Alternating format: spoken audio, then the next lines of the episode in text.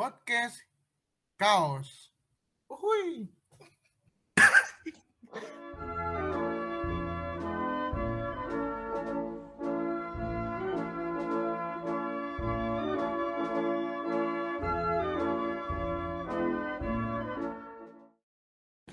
Hey Sobat Kaos, eh, kembali lagi nih dengan gua Mr. D eh, dalam pembahasan eh, mengenai sejarah bangsa kita ya kan? Kemarin-kemarin udah eh, yang podcast sendiri itu udah bahas negara luar Filipina sekarang balik lagi lah ke bangsa kita.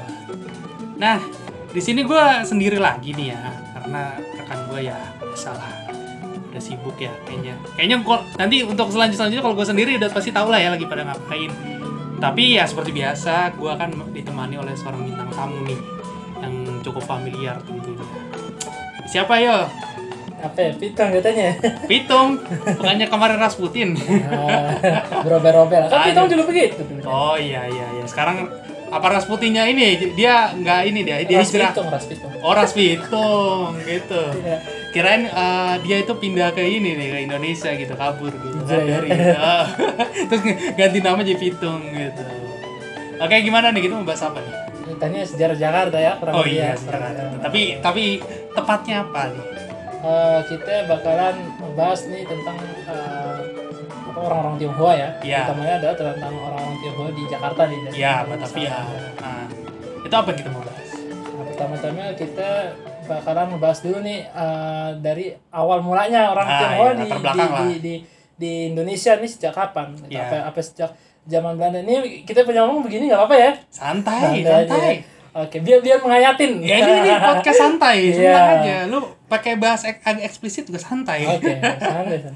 Oke, jong-jong aja kalau kata orang Bali. Iya, iya. Nah, kalau kita bicara masalah orang Tionghoa, kalau ada orang tahu orang Cina gitu, ya orang Iya. Cina atau ada istilah lain yang agak sedikit sekarang mungkin artinya rada kasar ya, itu sengke. Ah, Nah, sengke itu ini nanti kita akan jelasin ya. ya. gitu. Kalau kita bicara orang Tionghoa di di tanah Jawa ya, utamanya di tanah Jawa itu sebenarnya udah dari zaman lama, dari zaman Bahola itu udah ada. Misalkan di Hmm. zaman Ja- eh, Jakarta, Ja- Jayakarta, Ya, ya Nah, Sunda itu, Kelapa. uh, Sunda su- Kelapa udah sudah ada. ada. Sudah ada. Eh, karena kan kota pelabuhan ya, Iya. kan orang Tionghoa juga kita kenal pedagang. kan. Uh, stereotip sekali gitu itu pedagang. pedagang. Ah. Sampai sekarang. Iya. Sampai sekarang. Walaupun sebenarnya nggak semuanya pedagang gitu. Betul, ya itu stereotip lah, Ah, stereotip. stereotip. Nah, jadi eh, banyak orang-orang Tionghoa juga sebenarnya nggak cuma di Sunda Kelapa, di beberapa tempat seperti yang ada di Semarang kalau nggak salah ya, yang Iya, ada iya. kelenteng itu kan. Ah, Nah. ada pecinannya mereka Nah, juga. mereka ada pesinannya. Nah, kalau di Jakarta sendiri dia sudah dari zaman Sunda Kelapa, terus habis itu berganti zaman ke zaman Fatahila, zaman Hmm. eh, Jakarta atau Jakarta, Iya, sama iya. aja itu. Ah. Jakarta itu istilahnya sebutan Eropanya, Iya, Jakarta gitu. Tapi kalau orang aslinya nyebutnya Jayakarta. Iya, Nah, berarti nggak usah dipermasalahin ada itu santai-santai aja, itu. pelafalan aja. Sebab ada yang mempermasalahin, nah, Ah. itu kita lain lain. Ah, itu nggak usah, itu nggak usah Itu dibahas itu usah daripada kesel sendiri nanti. Oke, ada yang berbeda. Heeh. Oke, jadi ja- di zaman Jakarta di Jakarta itu sudah ada pemukiman Cina, dia berdagang. Iya. Ah, Nah kan di zaman Jakarta yang dagang nggak cuma orang-orang Cina, orang Iya. Eropa ada, orang Inggris ada, orang, Orang Belanda ada, Belanda, terus kalau nggak salah Prancis juga Iya. ada. Dan bahkan di Denmark di Banten ada Iya, katanya, iya. Oh, lu ada. ada katanya. Iya, kalau gue tahu Inggris itu sempat sama tuker-tukeran hadiah sama Elizabeth I sama Sultan Banten. Iya, Cuma kalau Denmark, gue baru gue baru tahu sih kalau Denmark. Memang, memang ada, gue eh, kita pernah baca soalnya Hmm, itu. oke. Cuman memang informasinya rada kurang banyak Oh iya. Sebenarnya sebe- sebelum orang Eropa sebenarnya udah terba- terbangun suatu jaringan perniagaan kalau kalian pada baca Anthony Red, Betul betul. Asia Tenggara dalam kurun niaga. Nah, Nah, itu betul. kan uh, Banten aja kosmopolitan banget gitu. Oh iya, iya, jelas jelas, gitu kan. Itu kayak rendezvous kan Eh, untuk di- banyak apa pedagang bahkan kayak orang Arab, orang India itu disediakan Betul. di luar kotanya untuk ini. ya salah satu penyebaran Islam itu kan jadi dulunya pedagang. kan, Iya, gitu. apa sih yang teori ada Ya, beberapa teori ya. kan? Eh Gujarat itu juga Ya, itu. termasuk. Nah, yang jelas memang kalau kita bicara Sunda Kelapa, eh ke Jakarta Ya. tadi, Jakarta itu kan di bawah Banten. Ya. Pada saat itu eh, disebut vasalnya Banten ada yang bilang Ya, gitu ya.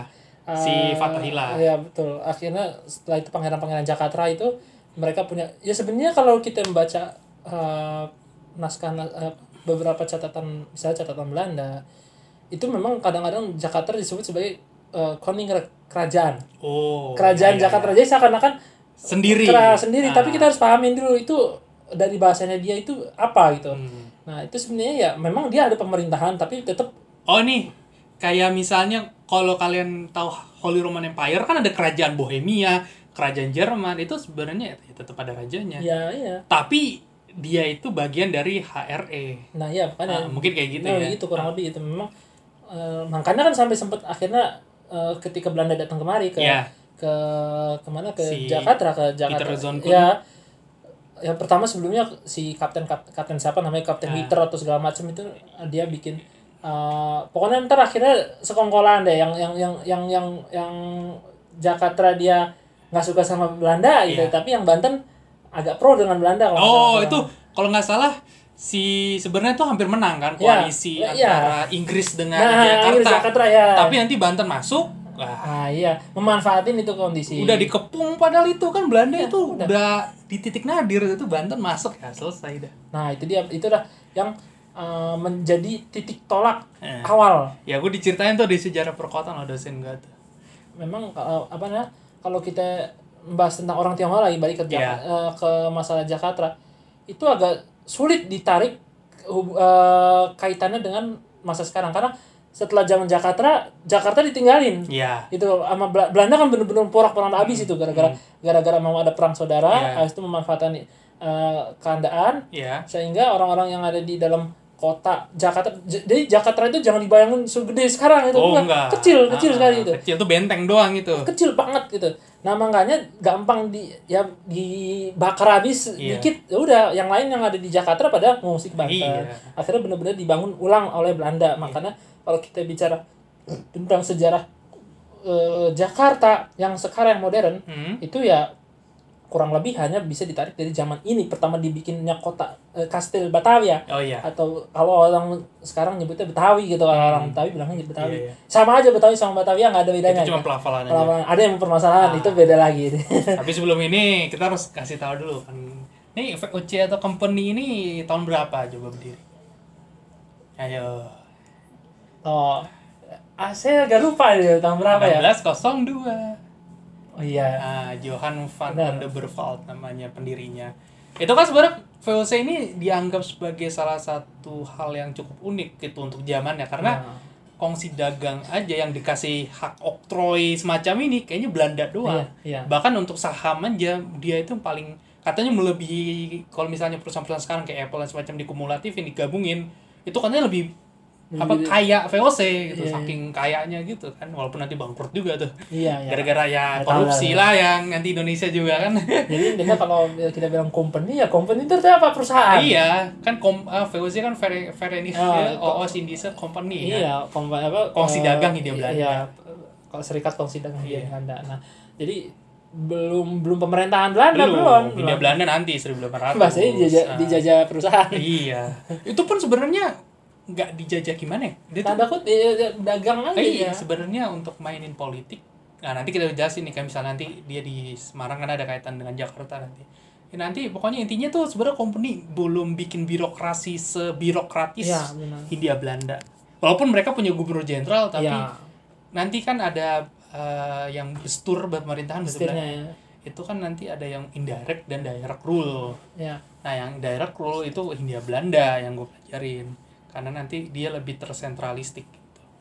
Karena ya belajar dari kesalahan company kan udahlah orang nanti ada menteri jajahannya kan Iya, benar, Ah, benar, benar. kalau company setahu gue nggak ada menteri Nggak jajahannya ada. dia cuman ya udah gubernur jenderal aja sih Kok sih sebenarnya itu Heron Seventeen itu iya majelis 17 itu iya 17 kota dagang itu kan ya, emang. kan daripada berantem ribut akhirnya ya udah kita bikin satu aja Nah, untuk itu. lawan Eropa karena Inggris juga punya kongsinya tapi nanti Iya, iya. EIC Iya, makanya itu disebut V-nya itu Iya. V-nya itu. iya Disatukan, apa yang disatukan United iya, Inggris. kongsi kan kayak kongsi yang berkongsi udah pasti apa namanya menyatukan inilah kepentingan lah Iya. nah tapi eh, gimana ceritanya VOC bisa menguasai Jakarta Eh, gampangnya itu tadi Ya kan tadi udah disinggung si Zon- yang Peterson ya yang Peterson Kun itu yang intinya sebenarnya si ban si Jakarta eh, koalisi sama Inggris ya Inggris kan sama Belanda kan Oh, iya, iya, tadi udah lah ya ya. Nah, nah, nah sementara Banten di Banten sendiri ada perpecahan maksudnya sebenarnya di dalam ke- keluarga sultanan itu kan Iya. kayak Sultan Agung Tirtayasa Sultan Agung Tirtayasa itu kan sebenarnya agak Anti Belanda. agak kurang suka dengan Ah. Belanda anaknya Sultan Abdul Mafakhir kalau nggak salah ya namanya si Sultan Haji Ah, ya. Sultan Haji itu nah Sultan Haji Pro itu dia pro Belanda karena sebenarnya dia, dimanfaatin juga iya memang itu memang Belanda ah, tuh licik lihai sekali dia politiknya dia. Memang memang. Manuvernya tuh kayak jeli banget. Oh ini lagi sengketa nih misalnya. Gue masuk. Ah gitu. Memang. Nanti di Semarang kita gue jelasin deh itu Belanda tuh mainnya bagus banget.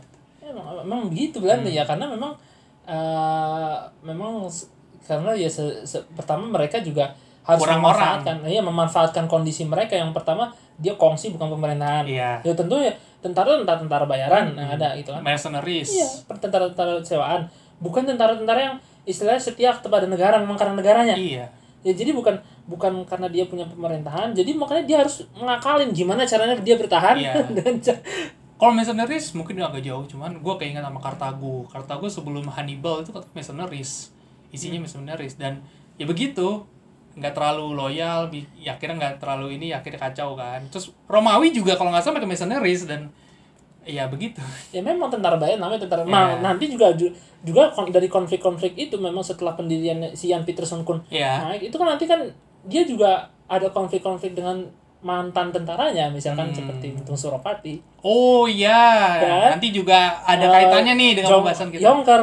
Iya, Kapten Kapten Yongker iya itu kan. Itu ya. Suropati Madura kan eh, Madu eh, ini Jawa Timur lah Jawa Timur, Jawa Timur ya? Iya, Jawa Timur budakan dia Ah, budak ya dia budak tapi kan akhirnya dijadikan tentara tanda tentara. soalnya gue pernah dikasih tahu lukisan sama dosen gue kayak Untung Surapati katanya sih dia pakai baju Belanda gitu maksudnya kayak kalau kata dosen gue budak budak itu katanya diperlakukan dengan baik tapi tetap aja statusnya ya budak Budak memang. juga sih. iya memang nah itu untuk kenapa Belanda bisa selicik itu gitu Hmm. nah intinya setelah setelah pendirian kota eh, Betawi atau kota Betawi itu dibikin sebenarnya kecil juga benteng Iya. maksudnya kastel kastel benteng di Mr. Cornelis ya enggak maksudnya eh, Master Cornelis ntar nanti itu kalau oh kalau itu di mana awalnya di mana di mana jadi yang bekasnya si Jakarta itu Oh. di di pinggir laut itu kan di utara ya Ja- di pinggir Jakarta Utara. ya itu di, dibikin benteng ya pokoknya kecil lah lebih kecil mungkin lebih kecil Mr. Cornelis kapan tahun berapa wah itu 1600-an di atas di atas Di itu atas, di atas jam itu 700. itu sekitar 1700 sebab sebab dari eh, daripada naskah yang pernah saya baca Hmm. itu yang eh, di situ isinya menerangkan pembatasan eh, pabrik gula pabrik Hmm. bata pabrik kapur Ya, ya, ya. pabrik eh, arak hmm. di situ ditulis dalam empat bahasa dalam bahasa Belanda ya dalam bahasa Melayu bahasa Jawa dengan bahasa Cina hmm. Nah, di situ masih disebutkan hanya kota, kota kota Betawi aja. Iya, iya, kota Betawi dan di luar belum disebutkan wilayah Master Cornelis, belum Hmm. di hanya berarti di si, tahun da- berarti tahun 1696 ini mungkin ya masih masih sentralnya ya di Betawi saja. oh iya Gitu. benar-benar Eh, karena yang luar-luarnya masih kebon, masih ya masih gitu. hutan banyak Ya mungkin ada harimau. ada mungkin sudah beberapa daerah yang dibuka tapi sayangnya eh, oleh pribumi ya maksudnya ya tapi saya nggak tercatat. Sayangnya nggak tercatat. Ya karena memang apa ya benar. ya gimana mau dicatat gitu? Loh Di- Kan- diurus emang lebih dalam benteng aja. Nah, iya makanya. Lagi juga tidak ada tradisi tulis di luar benteng. Maksudnya untuk orang orang pribumi sendiri di gitu luar benteng kayak kampung-kampung gitu kan. Iya. perkampungan. Ya perkampungan ya mungkin ada gitu. Nggak mungkin Hmm. satu wilayah yang sekarang Jabodetabek nih, kosong plong gitu. Cuman Iya, itu nggak mungkin. Nggak mungkin. Nah. Oke nih eh, mungkin udah ini ya. Terus kita coba balik ke Cina Nah. Cina awalnya kalau yang gue baca di buku gue lupa namanya tapi judul persekutuan aneh Belanda dan Cina itu sejarah Belanda itu dia bilang kalau misalnya orang Cina itu sangat berperan penting dalam pembangunan kota Batavia di awal-awal karena juga mereka selain sebagai pebisnis Hmm. gula mereka yang kuasain terus persawahan di Oman London juga mereka yang kelola nah iya itu tadi berhubungan dengan si apa si manuskrip yang tadi saya baca Hmm. itu kan manuskripnya sa- salah satu pembatasan pabrik gula Ya. dan itu manuskrip juga ditulis dalam bahasa Cina gitu. Hmm, itu ya, berarti ya. menandakan adanya uh, penduduk Cina yang sangat signifikan di Betawi. Iya. Ya kalau di kalau penduduk Jelas. cuman cuman cepek, cuman 200 gopek ya nggak usah pakai bahasa Cina, dia mah tulis aja dipaksa aja ngerti bahasa Melayu atau bahasa yang dimengerti oleh ma- ma- kebanyakan masyarakat. Iya. Tapi di sini bahasa Cina dia di, di, di, dipakai juga berarti kan sasarannya adalah pengguna bahasa Cina. Iya, Nah, benar. berarti kan ada pengguna bahasa Cina yang sangat signifikan Hmm. Betawi gitu loh. dan emang orang Cina juga lumayan banyak kan waktu itu Iya, memang memang banyak, banyak. karena mereka saling berdagang terus juga gue pernah baca dibikin di buku yang sama sih dibikin eh, hak keistimewaan gitu kayak misalnya eh, lisensi dagang Iya, terus iya, untuk iya. ngua- ada wilayah yang perairannya boleh diinin sama Cina gitu Iya, kayak iya. yang boleh Belanda bahkan orang Belanda aja bilang kenapa nih pemerintah lebih meng apa sih? Menguntungkan eh, menguntungkan orang Cina perusahaan-perusahaan Belanda kayak nggak bisa bersaing gitu. Karena di Dennis Lombard juga yang Nusa Silang Jawa Budaya gue pernah baca dan pernah gue tanya ke dosen gue sih sudah emang bener ya orang Belanda itu datang ke Hindia Belanda dia cuma bentar. Karena pertama ya dia kan eh, cuma pengen bakti untuk di company aja bentar kan di VOC gitu kan bentar. Kedua dia nggak mau kerja selain berdagang gitu kan. Urusan berdagang udah pasti kalah sama Cina iyalah. Akhirnya mereka pulang gitu. Nah gue nanya tapi dosen gue ini sih dia nggak terlalu tahu gitu. Tuh makan gue disuruh cari gitu kan halaman berapa. Cuman pas gue cari gak nemu gitu. Cuman kalau kalian tahu bisa deh nanti eh, komen lah. Tapi Spotify nggak bisa komen ya. Mungkin komen di Gevom gitu kan evaluasi atau di Medium gitu soal ini siapa tahu kan bisa request gitu kan. Nah ya kayak gitu kan betapa hebatnya orang Cina perannya gitu ya memang kalau orang Cina di di mana-mana ya. Iya. Di mana nggak cuma adaptasinya adaptasinya memang.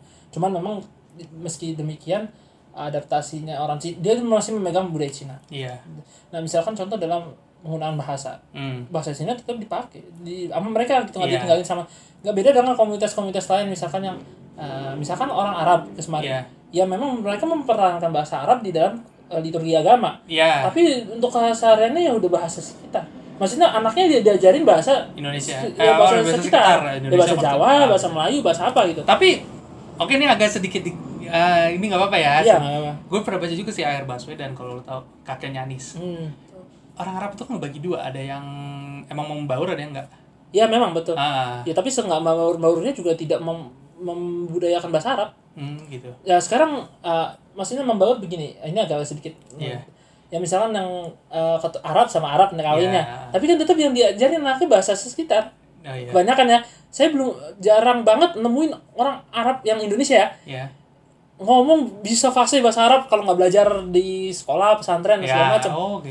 nggak kalau orang Cina yang dulu ya dulu kalau sekarang sih mungkin mungkin udah udah udah Ya, jarang be- juga ya ah. kalau dulu memang enggak memang diturunkan juga eh, tradisi tulis mereka tradisi apa tradisi berbahasa Cina gitu walaupun mereka juga dituntut untuk berbahasa lokal untuk untuk untuk untuk ya, berbaur namanya Hmm. dengan Ya, ya, masyarakat jelas, ya minimal de- untuk berkomunikasi lah Iya, iya. Nah, jadi eh, bahasa Cina ya yang kebanyakan datang kemari itu dari Cina-Cina di bagian selatan, misalkan yang disebut sebagai Hokkien Ya, Hokkien. atau bahasa Mandarin disebut Fujian itu. Tapi Iya, kalau di, di- Fujian. ya, kalau di bahasa Hokkiennya Hokkien itu atau Hakka. Iya, karena wilayah selatan juga dari Cina kan yang emang perdagangannya. memang dari situ kan ya, perdagangan. Karena emang dekat laut. Ya, emang yang paling dekat. Kalau laut. utara itu kan lebih Oh, iya. banyak gurun gitu kan. Nah, itu dia makanya. Nah, jadi jadi berbeda. Nah, kalau kita bicara nah tapi menarik kan tadi kita sebut sudah eh, kita juga sudah sebut eh, kalapa ya, senda Iya. kalapa. Cina itu sudah ada di Sunda Kelapa. Iya, Cina sudah sudah sudah banyak su- sudah banyak kontak-kontak juga dengan Kalapa. Beberapa manuskripnya juga ada Iya. menyatakan dan bahkan hingga masa kota Betawi mereka menyebut kota Betawi ini sebagai Pak Kelapa maksudnya. Hmm. Jadi eh, dia tetap aja menyebutnya itu sebagai kalapa. Ya, kalapa gitu. Ya mereka menggunakan huruf paknya doang belakangnya, tapi maksudnya itu merujuk kepada kalapa. Di dalam kamus-kamus Cina, di dalam teks-teks Cina memang mereka menggunakannya Oke. pak. Oke, berarti udah udah ada tahu ya untuk uh, gambaran awalnya gitu kan dan gue baca juga orang Cina itu ada pajak perseorangan itu karena salah satunya biar mereka bisa tinggal terus Betul. untuk menghindari wajib militer dan emang orang Belanda sengaja biar orang Cina nggak apa sih megang senjata gitu kan Iya, mereka iya. juga takut kan ada yellow peril atau ketakutan bahaya kuning lah gitu kan nah kita langsung aja bahas nih tentang uh, main course gitu kan ya Hmm. intinya tentang angke 1740 Iya, iya, iya. itu gimana bisa terjadi Jadi gini ya, sebenarnya namanya juga sebenarnya eh, kalau kita lihat eh, antara orang Cina sama orang Belanda ya sama-sama dagang itu udah, udah pasti kita lihat pastilah ya ada ada, ada namanya ke- kecemburuan lah. oh ya Ya misalkan contoh cemburuan itu dijadi apa? Misalkan eh, ketika tadi pabrik-pabrik gula, banyak Hmm. pabrik gula. Nah, Iya. orang Cina benar-benar 130 pabrik gula tahun 7 1700 1900 itu 84 punya orang Cina. Nah, itu dia Bayangin monopoli banget. itu dia permasalahannya nah habis itu udah mana kapal-kapal Cina yang Jung- dibawa nggak cuman barang Iya. ada lagi yang ikut apa itu Ah, itu itu juga menarik itu di buku yang sama di Kesultanannya itu ya apa sih kayak semacam bukan bukan syah bandar ya syah bandar sih kayak eh. gitu ya petugas-petugas pelabuhan itu banyak disuap biar mereka pada lolos ya tau lah Ah, ah, Tahu sendiri. korupsi nah itu juga kayak misalnya eh, pengusaha-pengusaha Cina di gula itu yang di gula itu juga banyak yang korupsi main mata dengan sheriff atau Ya, semacam ya. kapitan itu sheriff itu untuk di Oman London Ya. gitu karena Oman London ya Wild West-nya ya Batavia memang, memang udah di Ah, karena ke- ah, keamanan tidak, Tidak terjaga. Karena yang jaga di kok benteng, benteng ada Betul. kayak pasukan stru, atau apa gitu gue lupa namanya. Pasukan yang mengamankan wilayah benteng. Gitu. Nah, itu mereka tuh sebenarnya harus bayar pajak kepada para apa sih namanya? eh buruhnya. Hmm. Tapi kerap nggak dibayarin gitu. Dan bahkan nanti yang mereka ilegal itu kan nggak terdeteksi ya. iya Seharusnya bayar pajak. iya Karena nanti kan ada lu tahu yang surat izin yang dua yang Iya. Brief brief ya, ah, permisi. ya ya surat izin iya, tinggal sama ada lisensi Iya, permisi. betul. itu yang brief itu yang 10 tahun eh, udah tinggal di Batavia tuh bayar berapa ringgit gue lupa. Kalau yang lisensi itu untuk bisnis selama selama terus tiga bulan atau setelah tiga bulan gitu pokoknya ya itulah gitu gue lupa. Nah itu kan ya buat menghalangi mereka biar masuk. Karena orang Cina Iya. yang datang itu biasanya kan ada jenis kan yang udah lama ada yang baru ya yang baru itu kan bisa rata-rata miskin. Nah iya nyari kerja. Iya tenaga nah. buruh pabrik. Nah iya. Nah sampai sini itu orang dibawa-bawa kemari kagak dapat kerja. Iya. Nah. apalagi nanti perusahaan gula itu anjlok. Ya memang. Gara-gara permintaan menurun. Terus sebenarnya waktu itu eh, pasarnya waktu itu kan dinasti Safawi itu kan ya Persia, ya, ya. salah satu marketnya kan. Tapi waktu itu kan runtuh. Akhirnya kehilangan pasar terus nanti ada Malabar malah Ah, ah. cuman lebih ini ke Eropa jadi kayak bener-bener ke hit banget itu perusahaan gula itu jadi ya banyak yang pengangguran udah banyak pengangguran diperas lah orang Belanda yang surat izin itu Nah, iya dipalak-palakin itu ya gimana enggak ya Nah, karena nah namanya orang nganggur di zaman segitu orang pada kebun ngapain? Iya. Rampok lah. Ah, ah. Yang paling yang paling menjanjikan Iya rampok, bikin huru hara, bikin ya maksudnya huru hara maksudnya ke rumah-rumah warga nih. Iya. Di luar kota sih biasanya. Sama luar London ya. Nah, nah tapi kan ka- melihat eh, apa namanya? eh, s- kekacauan itu bisa bahasanya kekacauan kekacauan di luar kota ya apa eh, di luar kota kok banyak banyak banyak eh, begini gitu iya ya nah akhirnya melihat kayak gini itu eh, pemerintah Belanda memutuskan untuk eh, apa namanya di mau dipindahkan ke Ceylon, ya Sri ke Lanka. Sri Lanka yang biar biar lebih ada kerjaan lah gitu. Iya ya nah cuman ada. desas-desas ah, ada ini kabar burung ini. Nah, kalau desas-desus katanya mau diceburin ke laut itu Iya, sebenarnya. ah, oh, jangan dipercaya gitu. Nah, ah. udah di mana yang di luar pada rampok, tukang mikir rusuh bikin begitu. Nah ini sebenarnya ada ada sebenarnya ada yang mirip nih. Mungkin kita kaitin juga sama yang lain kan sama contoh yang lain di Singapura nih. Kalau eh kalau kalian sebenarnya nggak gue masukin di artikel gue sih yang pemberontakan Singapura 1919 cuman itu ada salah satu jurnal namanya the local eh, the local wars eh, was global. Itu dijelasin di Singapura juga gitu. Orang-orang India itu yang dibawa kapal ya. Gue lupa nanti di dia itu di mau ber apa sih ber apa sih namanya istilahnya? Bukan mend- bukan mendarat kalau kapal Berlabuh, berlabuh. berlabuh. Di Vancouver Kanada tuh di mana gitu tuh. Itu kan nggak bisa keluar tuh. Hmm. Nah katanya orang India itu kan eh, tuh berbulan-bulan ya. Nah akhirnya pada kelaparan dan semacamnya akhirnya pada dibuang-buang ke laut. Nah, agak mirip-mirip. Nah, nanti itu micu eh, apa sih namanya pemberontakan juga. Iya, iya, berarti orang yang dibuang dari seperti ini udah dua kali nih yang gua ketahui ini yang bikin pemberontakan. Di Indonesia di eh, bukan Indonesia sih di Batavia sama di Singapura. Ya, memang eh, apa eh, desas-desus gitu ya karena ya apa namanya ya buat apa? iya Nah, benar cuma kan itu desas-desus namanya. Terus habis itu orang Cinanya udah nama eh, itu orang Cina udah udah nggak punya kerjaan, agresif, ngerampok. Ini maksudnya orang Cina itu Ya. bukan semua orang Cina nih. Ya. Jadi jangan disalah tafsirin Ah. nanti ntar ada yang potong Jangan Saya jangan ya. WTE lagi. Aduh, jangan ya nanti Kima kita di apa Nah, dianggap rasis lagi. Maksudnya itu apa penduduk Cina yang itu yang yang yang terbengkak yang nggak punya kerjaan ya, yang Tapi emang normal sih. Maksudnya ya untuk untuk untuk kondisi zaman Iya, segitu emang- begitu. emang kayak cuma udah- Cina doang, orang mana juga begitu. kan. iya lu putus asa lu mau ngapain gitu lu butuh makan kan. Ya, pasti apa ya udah ngerampok. Ya, ya ibarat kita kalau cerita-cerita bandit di Betawi kok rampok-rampok di Betawi ya begitu mau apa pun Iya. etnisnya nggak cuman Cina doang ya. Iya. Apa etnis pribumi juga begitu atau etnis-etnis lain juga begitu. Oke, sebelum lebih ini sebelum kita masuk ke apa kejadian pembantainya. Nah, ini fungsi kapitan ini seperti apa? Ya sebenarnya wakil-wakil sih bahasanya kalau kita bisa bilang ya kayak Ah. wakil. karena eh, kapitan tuh wakil-wakil eh, yang saya paham nih. Iya. Apa namanya bisa jadi ntar ditambahin lagi. Itu eh, karena kan gini Betawi itu kan banyak apa metropolis ya maksudnya Iya. eh eh, cosmopolitan, nah, Iya, cosmopolitan sebagai Banten. ya punya banyak etnis, punya banyak ini kan pasti harus ada wakil-wakilnya. Iya. Orang Jawa punya kapiten, Iya. orang Bali punya kapiten, orang Melayu punya kapiten. Bugis punya. Punya Bugis punya, termasuk Cina punya. Hmm. Termasuk Cina punya. Ya kalau orang Belanda kan ya gu- gubernur jenderal. Jenderal sendiri dia. Ya, iya, nah untuk untuk regulasinya itu ya itu kapiten, gampangnya begitu. Nah itu gimana? Berarti nggak nggak nggak bisa maksudnya nggak nggak guna dong gitu. Maksudnya kan rusuh-rusuh juga gini. Apa Ya perannya karena karena begini permasalahan kapitennya di mana? Di kota misalnya. Oh, iya. misalkan oh, dia di, oh, di luar kota nggak ada ya? Ya di Oh, luar iya, kota- serif ya di luar kota semacam Ya serif. misalkan di luar kota biarpun ada kan nggak dijagain. Iya sih. lah dia bener rampok nggak peduli kapiten siapa. Oh, iya sih. Hukum udah dilanggar lah.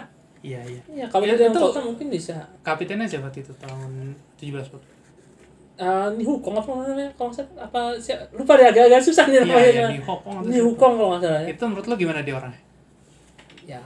Karena gue baca nih di buku sejarah peradaban Jakarta tuh nulis banyak tuh ada Susanto Zudi ada si siapa tuh Yasmin ya ya tadi Zaka- Pak Zaki Zaki. eh, eh, Prof Syahab banyak itu dia bilang eh, di salah satu yang bahas tentang geger pecinan itu dianggap eh, dia nih kayak emang juga pro terhadap deportasi gitu.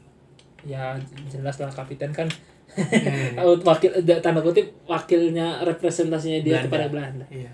Itu jadi membantuin Belanda juga untuk menertibin Iya. Malah ada yang, yang inisiatif gitu kayak masalah ngasih tahu ke Belanda pokoknya pakai baju hitam atau biru itu nah deportasi.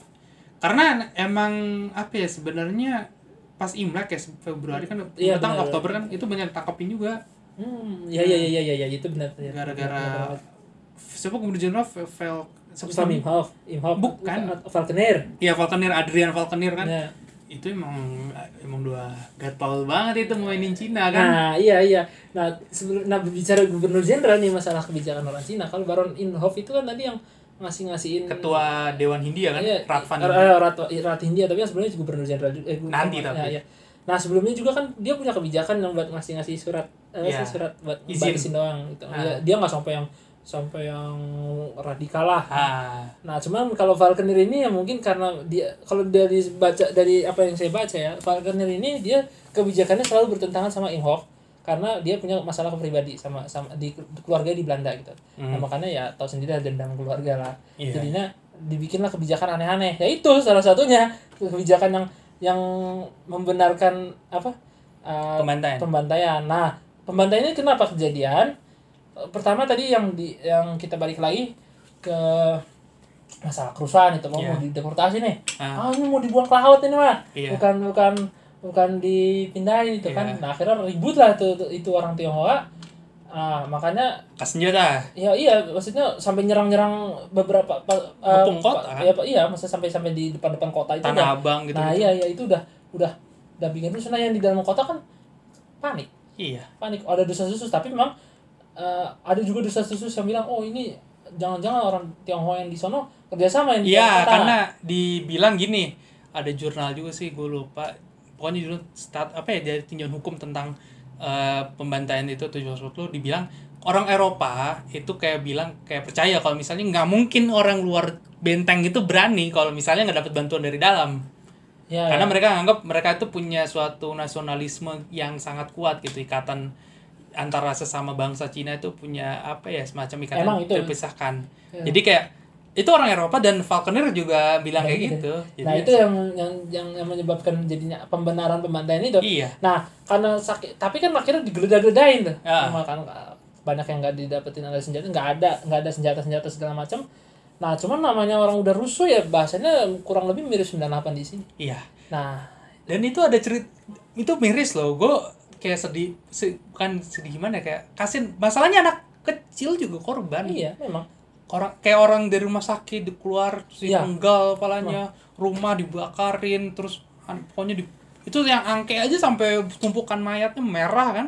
Ya bahkan sampai ada yang orang itu Cina ada- angke artinya merah kan atau bukan sih? Ah, itu itu ini apa namanya eh, semacam tanda kutip bukan cocok logi juga. Jadi sebenarnya nama angke udah ada di zaman dulu. Hmm. tadi seperti apa eh, di dalam bujangga manik manik itu udah, udah ada sebenarnya kata angke cuman cuman itu kata itu akhirnya dis- dikait-kaitkan juga dengan eh, sebenarnya udah ada lama nih Iya. namanya udah ada akhirnya karena ada per- peristiwa itu dikait-kaitan ang artinya merah kayak artinya kali ada yang mengait-kaitkan gitu gitu Hmm. nah padahal itu juga perlu dipertanyakan tanah abang juga katanya artinya Oh, merah tanah merah memang iya karena Ya. memang bentuk tanahnya me- merah karena tanah-tanah Jakarta itu tanah lumpur sebenarnya tanah bukan tanah yang bukan bukan karena bukan nggak bukan Oh. itu kan Jawa, Jawa sebelumnya itu ada Oh, Lah, iya, iya. tanah abang sebelum, sebelum kejadian itu juga ada Oh, iya, udah iya. ada Oke, jadi oke. itu dari bahasa Jawa itu Oke oke. Terus juga nanti juga banyak yang kabur kan naik naik apa sih naik kapal itu pada tembak di dibunuh. nah iya makanya itu akhirnya banyak lah nah yang yang orang Cina pada panik yang orang-orang pribumi ya tahu sendiri ngejar-ngejar lain Ah iya katanya juga ini gue pernah baca di Tirto ya. Dia juga orang itu ada kayak sayembara gitu. Semakin banyak dibunuh semakin ada hadiahnya gitu. Makanya Wah, orang itu- pribumi itu- itu katanya ini, tahu, belum tahu. ini ini kalau misalnya nih ada yang tahu bisa dikoreksi ya. Gue baca ini sih. Tapi kalau untuk buku-buku gue nggak nemu ya. Cuman gue nemu di itu aja. Tetapi kalau untuk orang pribumi ngebantuin, emang iya. Gue baca di beberapa buku katanya juga mereka nggak senang dengan orang Cina karena dianggap eksklusif, antek Belanda. Nah, apa namanya eh, di dalam sastra di dalam satu karya sastra ini juga kita eh, mem- membaca sejarah ini dari satu karya sastra judulnya Syair Ko- Perang eh, Syair Perang Oh, Kompeni ya. Eh, Cina. Ah, ya. Ca- Syair Perang eh, Kompeni Belanda melawan Cina. Ini ditulis dalam bahasa Melayu tulisannya Arab.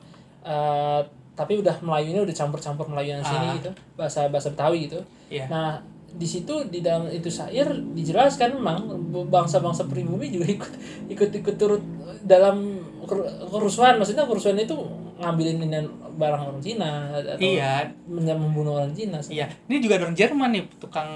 oh iya iya iya tahu tahu tahu Ah, jadi dia tuh tahu tuh sengaja ingin buat ini karena dia mau ngambil babi atau apa. Oh, iya gitu. iya iya Padahal dia sebelumnya makan bersama orang Cina. Sama orang Cina. Terus kayak dibilang, ini bunuh dulu baru lo ambil gitu. Di Iya. buku persekutanan itu Iya tahu tahu tahu ya gue gue juga baru baca itu di buku yang yang yang barusan Iya, iya, iya. Itu Nah, itu orang Jerman sebenarnya nggak mau ngakuin cuman karena memang berda pengen hartanya aja. Iya, ambil dulu, dibunuh dulu. Akhirnya dia dia dia, dia ambil kayu gede atau apa Iya, di- dibunuh. Wah. Nah, tapi akhirnya masuk ke kamar ada pistol. Ya bunuh-bunuh. Iya, iya, iya, benar-benar itu. Aduh. Gila ya gara-gara yang sebenarnya hubungannya baik ternyata bisa karena harta gitu bisa. Memang sebenarnya ya cem- kecemburuan ekonomis sih Hmm, kalau kita lihat. Nah, kan kejadian itu kalau nggak salah 9 Oktober ya, 9 Oktober. Ok, ya, Oktober. Oktober, 17. gue ingetnya Oktober 17 9, 9 Oktober dan baru padam apinya itu tanggal 13 atau tanggal 12 lupa. Pokoknya Hmm. tiga hari selama tiga hari api Iya.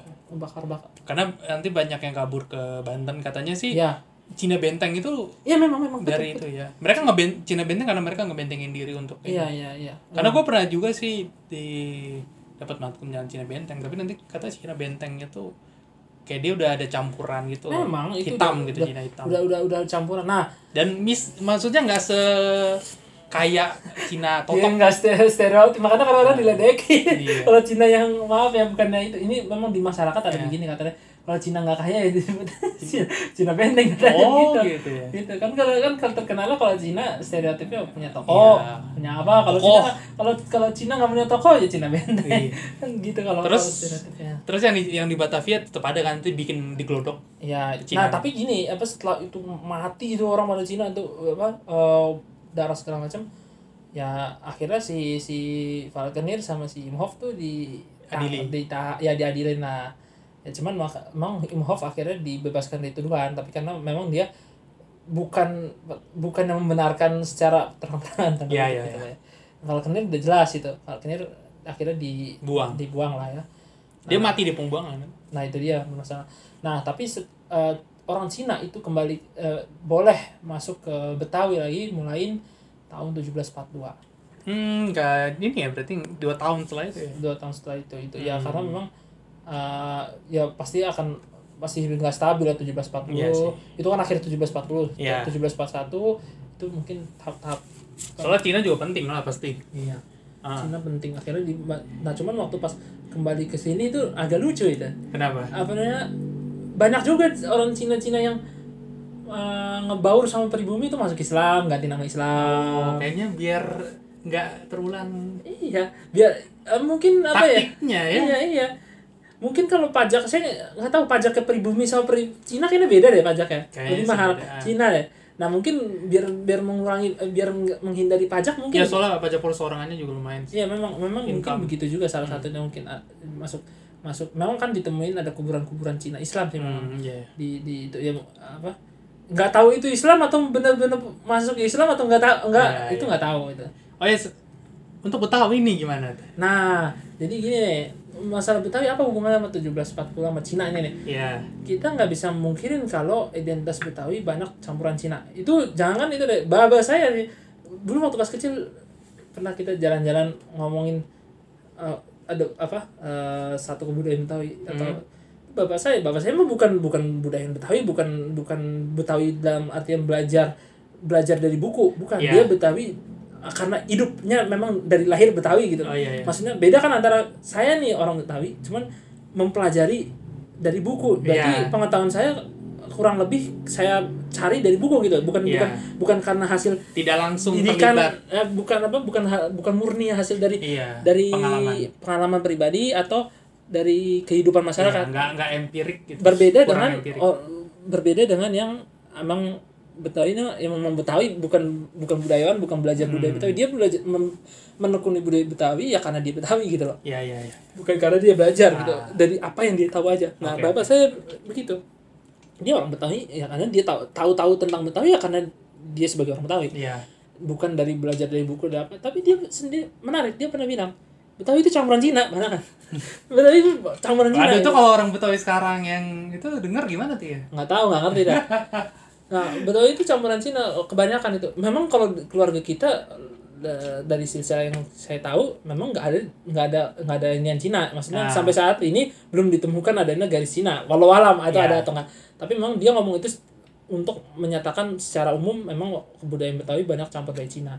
Itu itu nggak bisa di, di, di, dipungkirin. Ya, ya. nah apa namanya kalau misalkan ada orang mau menol kita saya nggak bilang orang Betawi itu dari Cina enggak Iya. tapi campur tercampur dengan Cina iya Iya. itu sebagian Bukan ya. Cina aja sebenarnya sih. macam-macam Macam-macam. termasuk yang etnis-etnis di sekitarnya orang Sunda Bisa Jawa. dibilang ini gak sih gue kayak ngerasa Betawi itu bisa jadi kayak wajah Indonesia gak sih yang multikultural? bisa bisa itu itulah yang yang eh, sebenarnya membuat saya termasuk bangga menjadi orang Betawi ya walaupun ada yang bilang oh suku baru suku baru kan kalau saya sih bukan masalah baru atau lama tapi bagaimana aplikasinya itu loh Eh, orang Betawi itu kan eh, bukan membanggakan ya tapi Iya. memang pada nyatanya identitas Betawi itu berasal dari etnis yang berbeda Hmm. eh, nyampur menjadi satu itu Melting begitu. pot. iya makanya jadi dan makanya terkesan egaliter kan Iya. Iya. nggak ada itu namanya kasta-kasta di Betawi itu Iya. Eh, ngomong ke Gak ada kromo. Aduh, aduh, jangan deh. Nanti misalnya ngomong eh, maksudnya nggak ada yang apa namanya oh bahasa halus, bahasa kasar. ya paling hanya dia perhalus kalau misalkan dalam liturgi agama ya karena Iya. memang agama yang dilihat Ya, ya. jelas itu udah beda itu. Beda, itu beda bukan status Bukan status bangsawan iya. orang Pe- biasa. pedagang orang Cina sama orang Belanda ya kalau misalkan ngomong biasa ya lalu lalu Iya. ya mungkin kalau orang Belanda karena tuan kadang-kadang dipanggil tuan gitu Hmm. tapi karena memang ka- karena karena kan eh, ya bangsa Belanda lah gitu ya. Iya, iya. bukan karena memang menghormati lebih tinggi tapi kan memang keadaan situasi yang pada saat itu orang eh, memang memang tekanan juga sih. Maksudnya Hmm. kayak eh, kan pernah dengar gak sih yang orang Belanda kasta di atas orang orang Cina Ya, orang Arab? ya statis nah karena itu. Itu. Nah, bukan karena masyarakat Betawi meng, meng, meng- me- apa mem- berpedoman seperti ini bukan. Tapi karena memang ini dibikin. Situasi politik saat itu. nah iya. Nah jadi makanya kenapa lebih egaliter? Karena memang pertama sama-sama dari rakyat rakyat Hmm, rakyat. iya. etnis etnis yang ada di situ semuanya rakyat Jawanya rakyat Nah, itu gitu ini gimana nih soal keter apakah Betawi itu terlibat juga dalam pembantaian Nah, kalau kita bicara etnis Betawi ya dari tahun 1740 itu kita pertanyakan dulu sudah ada belum etnisnya? hmm, Nah, gimana karena tuh gini, ini ada ada yang salah satu yang saya agak kritik juga dari beberapa tuli- ah, ah, tulisan yang tersebar di internet ya, Ya. tulisan tersebar di internet. Mengatakan katanya Betawi udah dari zaman debot, dari zaman bahula itu. Nah, itu da, da- dalilnya dari apa? Oh, iya. Nggak ada kalau kita dari zaman Sunda Kelapa gitu Iya, atau dari zaman bahkan lebih sebelumnya. Ada yang mengatakan zaman itu. apa zaman ini Tarumanegara Ada yang mengatakan. buset Nah itu, nah itu tadi tersebar yang di internet itu banyak sekarang karena ah, kalau kita baca internet memang kudu hati-hati. Iya, Nggak cuma berita-berita yang berkaitan dengan politik sekarang, nggak bahkan yang sejarah pun begitu. ya sih jelas Nah apa eh, Betawi sendiri kalau kalau dari apa namanya etnogenesisnya ya et- apa ke- eh, asal mulanya itu etnis ya tadi seperti yang saya tadi bilang kalau kita bicara tentang Jakarta modern ya hanya bisa diambil dari Batavia Pak. karena memang udah dari Jakarta itu udah hancur. Iya. Yang kita nggak bisa tahu yang di luar Jakarta karena nggak ada catatannya. Segala segala macam. Misalnya ada desa-desa nih di daerah misalnya di daerah sini nih daerah Bekasi yang Iya, sekarang. Iya. Ah, kita nggak tahu bisa jadi ada desa iya itu Iya. bisa jadi. Tapi kita nggak tahu catatannya apa karena nggak ada- nggak pernah ada mungkin ada cerita turun ya mungkin lebih ke tradisi lisan Iya tradisi lisan. Memang itu kalau tradisi lisan ada beberapa kampung yang em, menyatakan kayak kampung saya di sana di Kebon Baru itu ada tradisi lisan itu sudah apa eh, ada kaitannya dengan orang-orang Banten misalnya. Iya.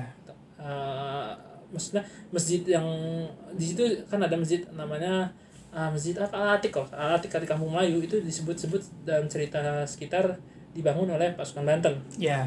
Dan menurut tradisi lisannya pernah dibangun oleh prajurit Banten itu. Tapi kan walau alam itu pendatangannya Iya. tapi yang jelas catatan-catatan itu udah ada kampung atau apa kan kita nggak tahu. Iya sih. nah nah jadi makanya itulah kenapa saya bilang kalau kita mau bener-bener eh, tarik peradaban Jakarta modern itu ya cuman dari Betawi. Karena memang sudah Jakarta itu dihancurin orang pada minggir. Entah minggirnya ke mana nggak tahu lah. Oh iya. nah jadi mulainya dari situ lagi gitu loh. Tonggak awal. tonggak awal. Nah orang-orang yang disebut eh, sebagai orang Betawi kan banyak yang dari kota juga kan Iya, iya. Nah ya kan eh, ya mungkin ada juga pribumi-pribumi di luar kita nggak tahu gitu. Nah tapi ya eh, kita nggak bisa mengatakan oh ini dari zaman Tarumanegara ada atau dari zaman Itu itu urusan arkeologi tuh. iya saya rasa juga orang sana arkeolog juga nggak akan apa mengatakan itu ada kaitannya gitu loh Iya. gitu loh walaupun misalkan di beberapa arkeologi di Condet menemukan ada bekas-bekas eh, peninggalan lama gitu Ya. ya tapi permasalahannya kita tahu dari mana kalau itu udah adalah orang Betawi gitu loh Iya. kan bisa jadi orang lain eh etnis lain atau manusia lain mungkin Iya, benar. ya Hmm. habis itu kemudian datang lagi dari dari tempat lain kan kan udah, udah binasa udah habis Ya. di, kemudian ditempatin lagi bisa saja kan nah itu kita nggak tahu makanya kita Belum pasti lah ya. Eh, makanya kalau kita bilang etnis Betawi ya tidak lain dan tidak bukan memang dari Batavia dari dari dari, Hmm. dari peradaban itu gitu loh. Iya, iya. Nah kalau eh, etnis Betawi itu kan eh, eh, menurut eh, yang kalau saya bilang penelitian yang sohih lah yang Iya. yang, yang paling kuat itu eh, pendapatnya itu memang dari campuran dari campuran itu terlihat dari bahasanya juga nanti kita bahas bahasanya nah eh, kalau untuk kapan persisnya terjadinya adanya pertama kali orang Betawi itu kita nggak bisa bilang Belum belum ada ini Belum bisa bilang. kepastian ya. belum ada kepastian tapi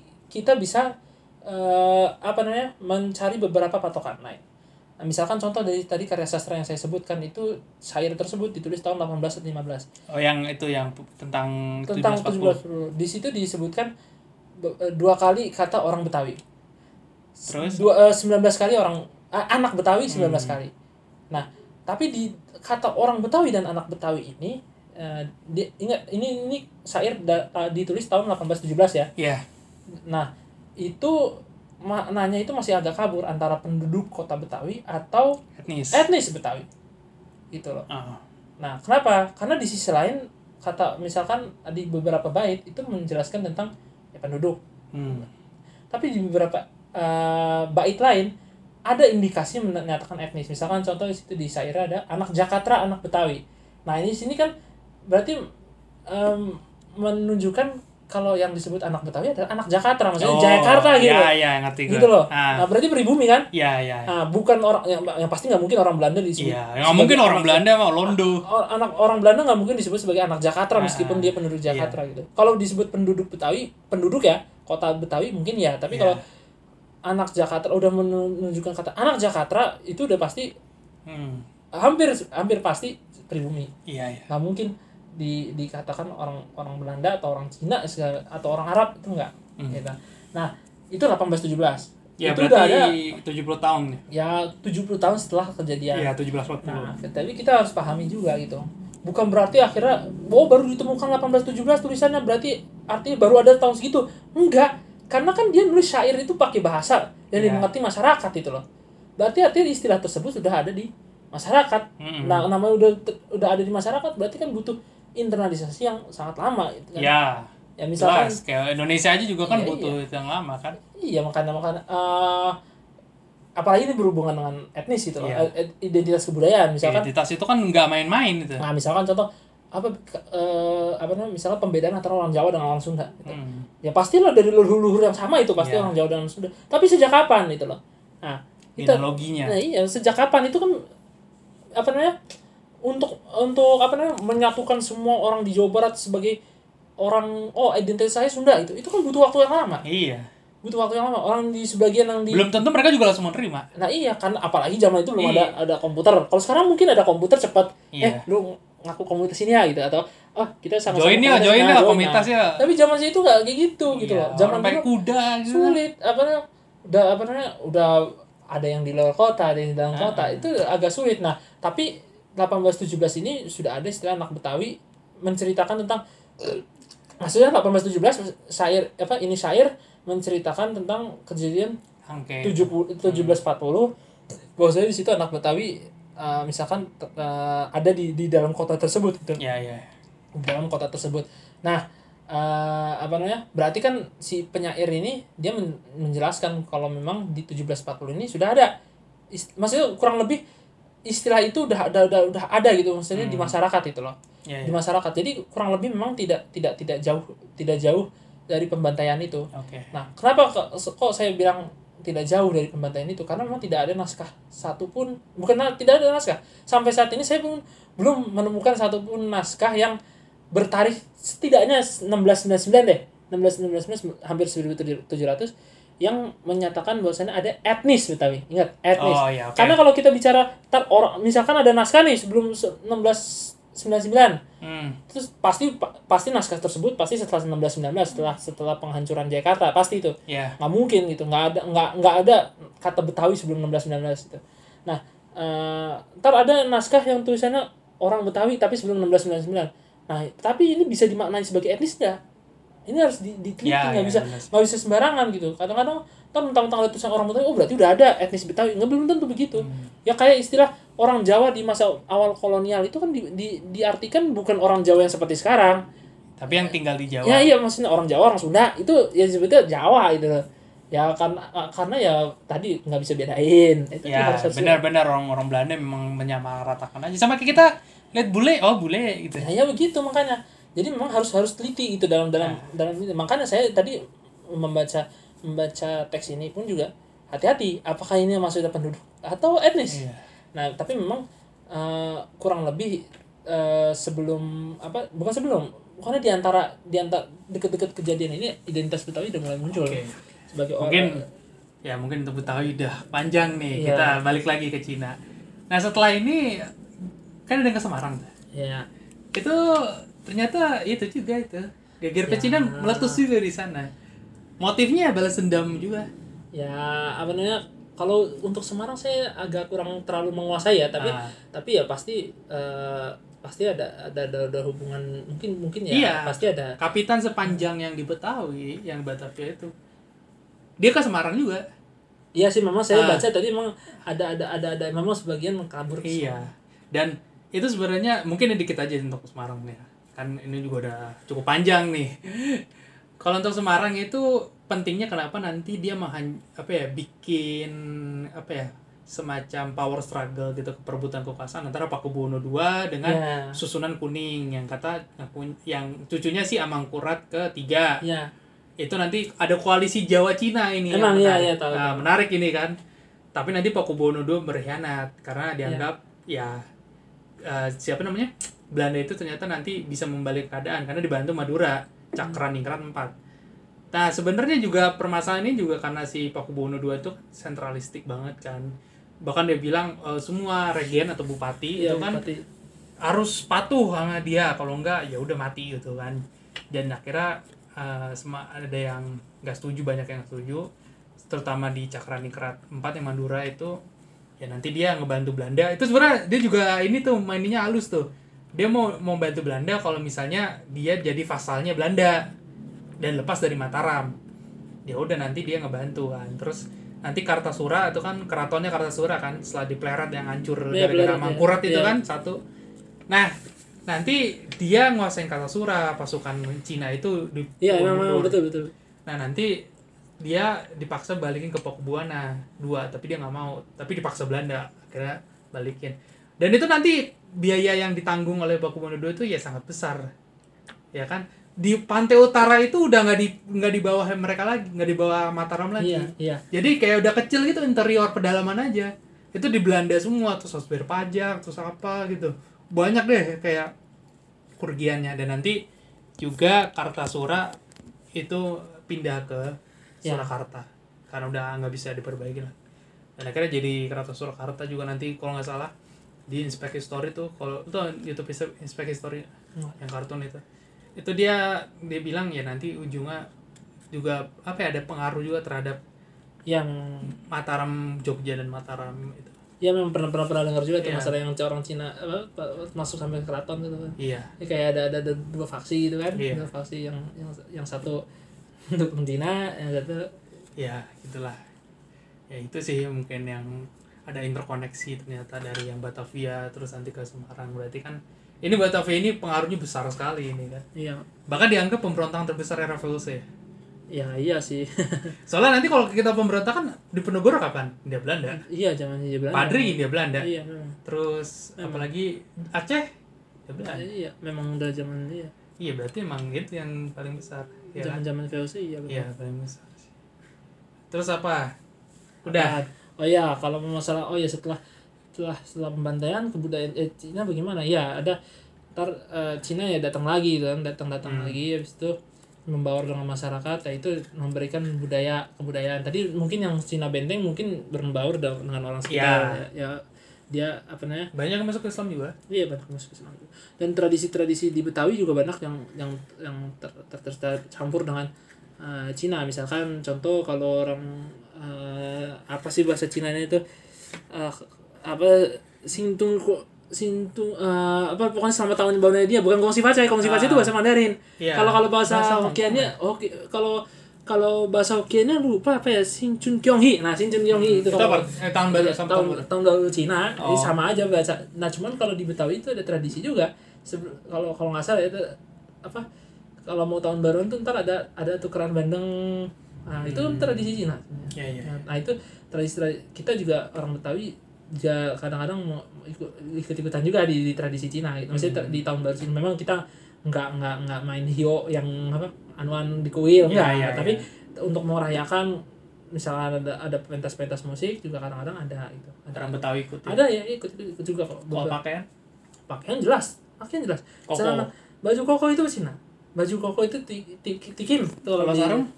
Sarung kalau sarung itu kan di Nusantara di mana-mana ada sih sebenarnya Oh, di India juga ada Oh, di, iya. di di di mana-mana jadi agak sulit kalau kita bilang itu dari Cina Hmm. ada di India juga ada gitu kan India juga pernah Berarti lebih ke koko ya? ya koko celana celananya orang tahu celana pangsi itu kan celana Cina Hmm. gitu Ke makanan, makanan.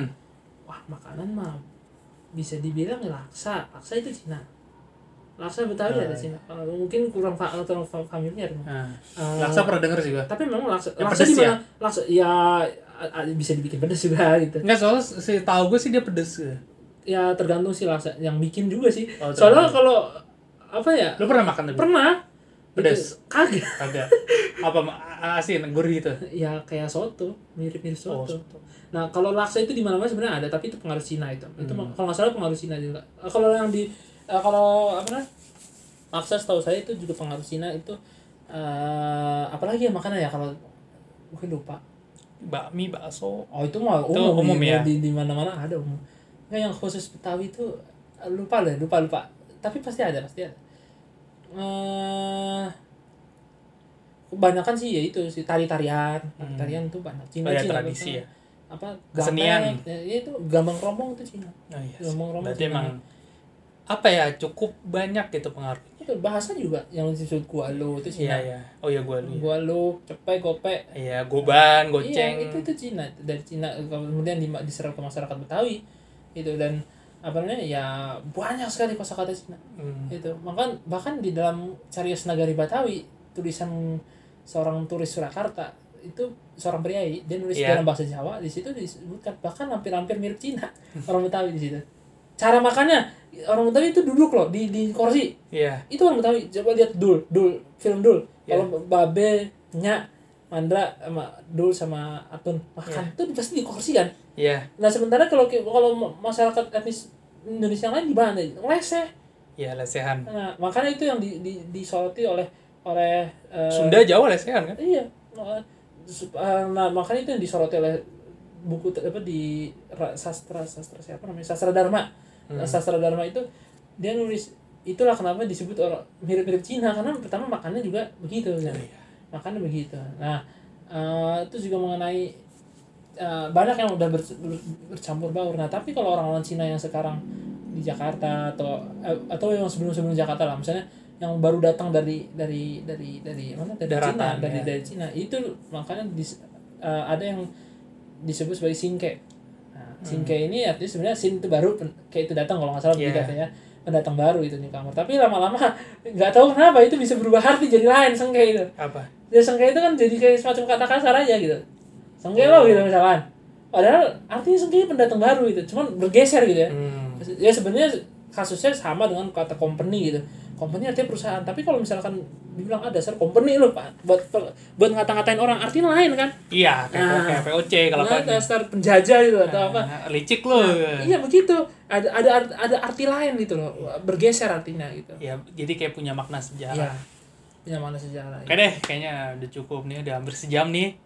Ya kan, orang-orang banyak yang jangan lama-lama gitu ya. oh iya Cuman ini kayaknya udah kasihkan kita ngobrol, cuman nggak apa-apa ya, kan kita ada variasi lain podcast yang monolog. Nah, kayaknya kalau juga diterangin dikit-dikit kayak kentang gitu ya. iya kalau mau dikit-dikit ter ada yang kurang ini aja Iya. sebenarnya masih ada yang Waduh. Makanya sebenarnya pengen bikin episodik cuma nanti deh untuk episodik. Oke. Iya. Mungkin sampai sini aja. Kalau misalnya kalian tertarik dengan eh, tentang Jakarta, boleh nanti kita bahas lagi. Tinggal biasa email aja di podcastkaos@gmail.com atau di isi form yang evaluasi bisa dilihat di link tray ya, link tray kami. Cari aja tray podcast kaos gitu. Dan untuk sumbernya kalau nanti minta sumber, email aja ntar gue kirim gitu, santai. Gue kasih dah kalau misalnya butuh validasi, wah ini sumbernya mana gitu kan. Tenang, kita kita baca buku kok. Kita insya Allah eh, riset ya udah pasti kita akan mengupayakan yang terbaik gitu ya kan? Dan mungkin untuk kalian yang eh, tertarik juga tentang tema-tema lain bisa apa namanya request juga.